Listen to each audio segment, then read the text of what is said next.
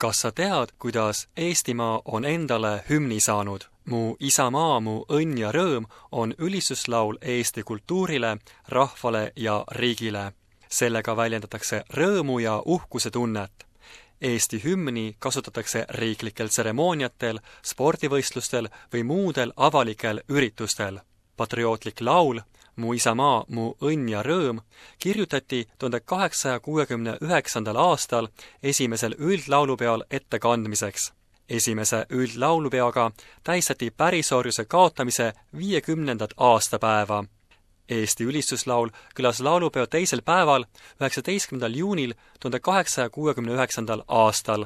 selle kandsid ette meeskoorid üle eelviimase lauluna kiiresti populaarseks muutunud laulu esitati peagi mitmesugustel rahvuslikul piduüritustel üle Eesti. näiteks kõlas ülistuslaul ka esimese sinimustvalge lipu pühitsemisel Otepääl. tuhande kaheksasaja üheksakümnendate keskpaigaks oli Mu isamaa, mu õnn ja rõõm kinnistunud Eesti rahvushümnina viiendal üldlaulupeol esitati seda püsti seistes ja paljastatud peadega. Tuhande kaheksasaja üheksakümne kuuendal aastal nimetas Postimees seda esmakordselt Eesti rahva hümniks. omariikluse tekkimisel oli Eesti hümn juba sedavõrd kinnistunud, et seda ei hakatud muutma ega ka kehtestama kahekümne neljandal veebruaril tuhat üheksasada kaheksateistkümnendal aastal avaldatud Eesti Vabariigi iseseisvusmanifest on ainus õigusakt, kus on osaliselt trükitud Eesti hümni tekst.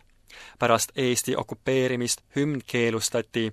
Taasiseseisvumisel võeti Eesti hümn spontaanselt kasutusele. kuid kes on hümni autorid? laulu Mu isamaa, mu õnn ja rõõm sõnad kirjutas tuhande kaheksasaja kuuekümne üheksanda aasta algul Eesti rahva ärkamisaja üks juhte Johann Voldemar Jansen. talle oli selle kirjutamisel eeskujuks Hiiumaa Reegi koguduse õpetaja Gustav Felix Rinne tuhande kaheksasaja kuuekümne kaheksandal aastal ilmunud laul Hiiumaa ehk Issamaa laul. mõlemad laulutekstid olid kirjutatud saksa päritolu helilooja Friedrich Paciuse viisile. Pacius komponeeris heliteose tuhande kaheksasaja neljakümne kaheksandal aastal Johann Ludwig Runebergi rootsikeelse oodi Wortland jaoks. sellest oli kujunenud Soome rahvushümn. kuidas on hümn kehtestatud ja kuidas hümni kasutada Eesti hümni ei ole õigusaktides selgelt kehtestatud ja isamaaline laul Mu isamaa, mu õnn ja rõõm on omandanud tavaõiguslikult Eesti hümni tähenduse Eesti lipu seaduses on sätestatud Eesti hümni kasutamine lipu heiskamisel Pika Hermanni torni. hümni lauldakse tseremooniatel ja ametlikel esindusüritustel.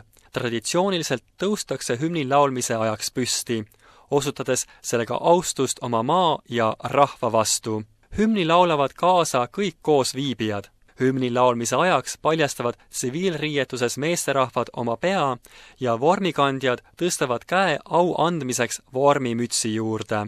hümni lõppemisel ei aplodeerita.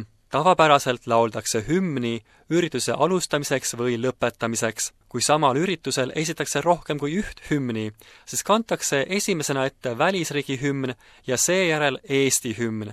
kui hümne lauldakse ürituse lõpus, siis kõlab Eesti hümn viimasena